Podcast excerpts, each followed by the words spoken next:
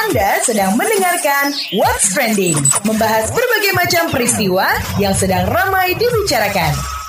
Tujuh hari menjelang tanggal 17 April, apakah Anda masih galau gundah gulana dengan pilihan Anda? Ya masih banyak waktu untuk bisa mengenali uh, siapa yang nanti akan Anda pilih sebagai presiden dan wakil presiden ataupun caleg Anda ya, calon legislatif yang uh, di DPR RI, DPRD gitu loh. Masih banyak waktu, masih ada seminggu lagi ya.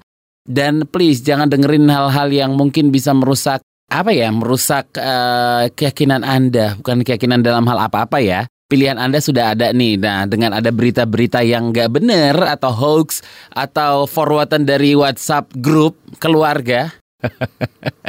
ya guys sih? Banyak banget tahu itu ada beberapa grup di WhatsApp gitu ya yang forwardan wah macam-macam isinya. Well anyway, kita masih ngomongin soal pemilu nih karena ini ada satu hal yang perlu Anda ketahui. Kalau Bawaslu bilang rilis indeks kerawanan pemilu yang meningkat. Jadi Badan Pengawas Pemilu itu kembali meluncurkan Indeks Kerawanan Pemilu atau IKP 2019. Skor IKP 2019 dalam skala nasional berada pada kategori kerawanan sedang, yaitu 49,63. Angka ini meningkat dari skor IKP yang dirilis Bawaslu September 2018 yaitu 49 yaitu 49,00 ya tepatnya. Jadi skor IKP 2019 ini diperoleh dari rata-rata skor 4 kerawanan yaitu kerawanan konteks, sosial politik, kerawanan penyelenggara pemilu yang bebas adil, kerawanan kontestasi, dan kerawanan partisipasi politik. Kepala Staf Presiden Muldoko menyebut Kenaikan angka IKP bisa jadi disebabkan oleh maraknya informasi hoax selama masa kampanye. Walaupun seperti itu, Muldoko meminta masyarakat nggak perlu khawatir dengan kenaikan skor IKP karena seluruh pihak berkomitmen untuk menyelenggarakan pemilu yang aman. Sementara kepolisian menyebut situasi jelang pemilu masih kondusif. Nanti kita akan dengarkan penjelasan dari Bawaslu Republik Indonesia ada Muhammad Afifuddin terus juga Kepala Staf Presiden Muldoko dan juga pemilih uh, dari Komisi Pemilihan Umum Arief Budiman. Kita akan mendengarkan penjelasannya nanti ya. Dan juga nanti kita akan ngobrol dengan Kepala Biro Penmas Divisi Humas Polri, Dedi Prasetyo. Oke? Okay? What's Trending? Membahas berbagai macam peristiwa yang sedang ramai dibicarakan. Kita masih ngobrolin soal Bawaslu rilis indeks kerawanan pemilu yang meningkat. Jadi kita akan mendengarkan penuturan beberapa tokoh berikut ini. Yang pertama ada Komisioner Bawaslu Republik Indonesia Muhammad Afifuddin. Kita dengarkan ya. Harapan kita ya semua pihak para tim kampanye ini tidak sampai melakukan kekerasan terhadap baik sesama pendukung maupun antar pendukung dan juga tim atau penyelenggaraan. Langkah konkret pencegahannya ya dengan memetakan kerawanan yang sudah kita berikan di IKP. Langkah lainnya kemarin kita sudah advokasi, kita datangi korban juga, ya termasuk menyampaikan beberapa ke para pihak lah, pihak keamanan dan lain-lain. Karena pencegahan yang kita lakukan lewat IKP ini sudah menjadi bagian dari strategi kita untuk memetakan kerawanan. Harapannya untuk tidak terbukti sebenarnya. Kalau satu daerah itu dipetakan rawan, harapan kami nggak kemudian terjadi, tapi terantisipasi. Nah, kira-kira apa yang dilakukan pemerintah? Apa langkah yang dilakukan pemerintah sebagai antisipasi potensi kerawanan pemilu? Kita dengarkan penuturan Kepala Staf Presiden Muldoko. Dari kami sendiri juga akan melakukan mitigasi ya terhadap situasi situasi yang mungkin terjadi sehingga kita semuanya menjadi instrumennya KPU Bawaslu dalam konteks bagaimana penyelenggaraan pemilu bisa berjalan dengan baik aman gitu ya. Oke, nah terus gimana nih permasalahan pemilu yang muncul di lapangan bakal dihadapi? Kita dengerin penuturan Ketua Komisi Pemilihan Umum Arief Budiman. Jadi desain undang-undang kita memang menyediakan ruang yang cukup bagi penyelenggara pemilu untuk terus bersama-sama ya menyelesaikan persoalan-persoalan yang muncul di lapangan. Jadi peserta pemilu sebetulnya punya cukup ruang untuk menyelesaikan semua persoalan bersama-sama dengan penyelenggara pemilu. Kalau tidak puas dengan KPU silakan ke bawah.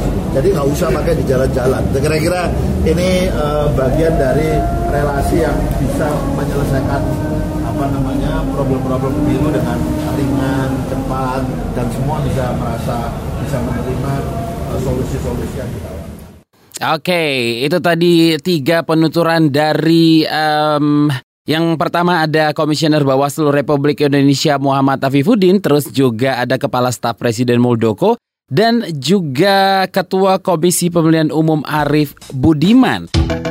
Dengan berita-berita paling update, kami bikin pagi Anda makin semangat cuma di KBR Pagi.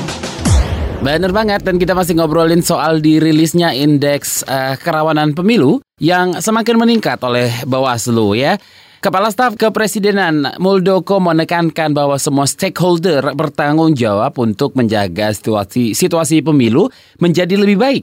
Kata dia semua pihak memiliki tanggung jawab seperti ya partai politik dan semua kontestan begitu pula dengan aparat. Untuk mengetahui bagaimana pengamanan pemilu bakal dijalankan kita bahas bersama Kepala Biro Penmas Divisi Humas Polri Dedi Prasetyo. Selamat pagi Pak Dedi. Polisi melihat adakah potensi kerawanan pemilu yang perlu dikhawatirkan masyarakat?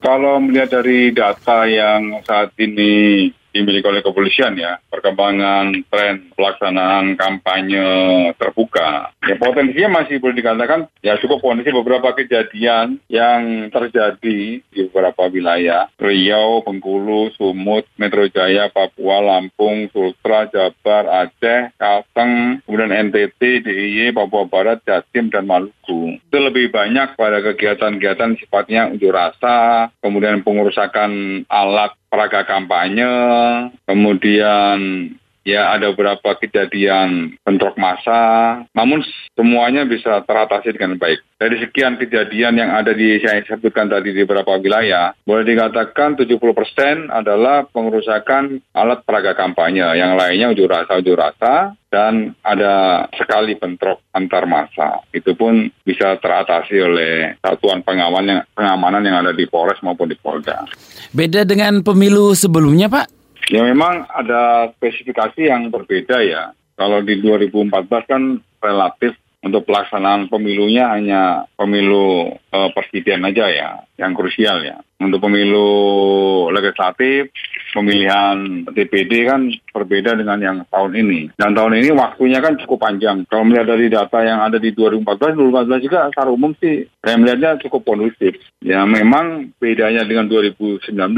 Kalau 2014 masih belum masifnya media sosial yang ikut serta di dalam meriuhkan pemilu ini. Kalau di tahun 2019, ya selain kampanye yang cukup panjang, kemudian pentahapan pemilu yang cukup panjang, juga dimeriahkan atau diriuhkan dengan media sosial. Itu aja yang membedakan. Salah satu faktor pemicu di media sosial cukup memberikan warna di dalam pemilu ini. Khususnya akun-akun yang menyebarkan berita-berita hoax, berita-berita yang sifatnya agitatif, kemudian berita-berita yang sifatnya provokatif dan politik identitas.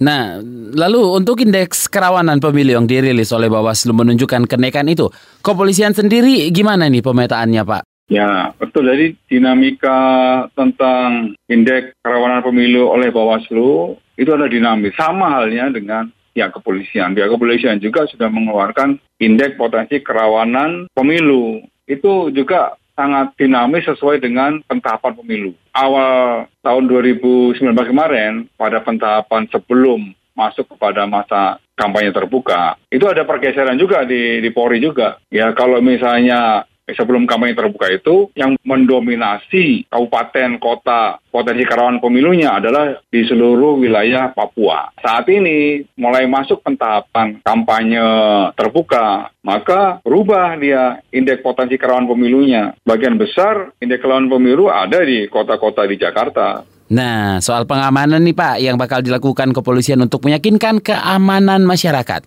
Untuk pemilu, seluruh anggota Polri yang dilibatkan sebanyak 271.880 personil. Demikian di backup juga oleh rekan-rekan dari TNI, ada 181.000 personil. Plus untuk penjagaan TPS dibantu oleh rekan-rekan Limas kurang lebih hampir satu juta. Artinya bahwa dengan kekuatan TNI, Polri, kemudian stakeholder terkait, ya insya Allah ya cukup dalam rangka untuk memberikan jaminan keamanan kepada seluruh masyarakat Indonesia yang akan menggunakan hak pilihnya pada saat tanggal 17 April 2019.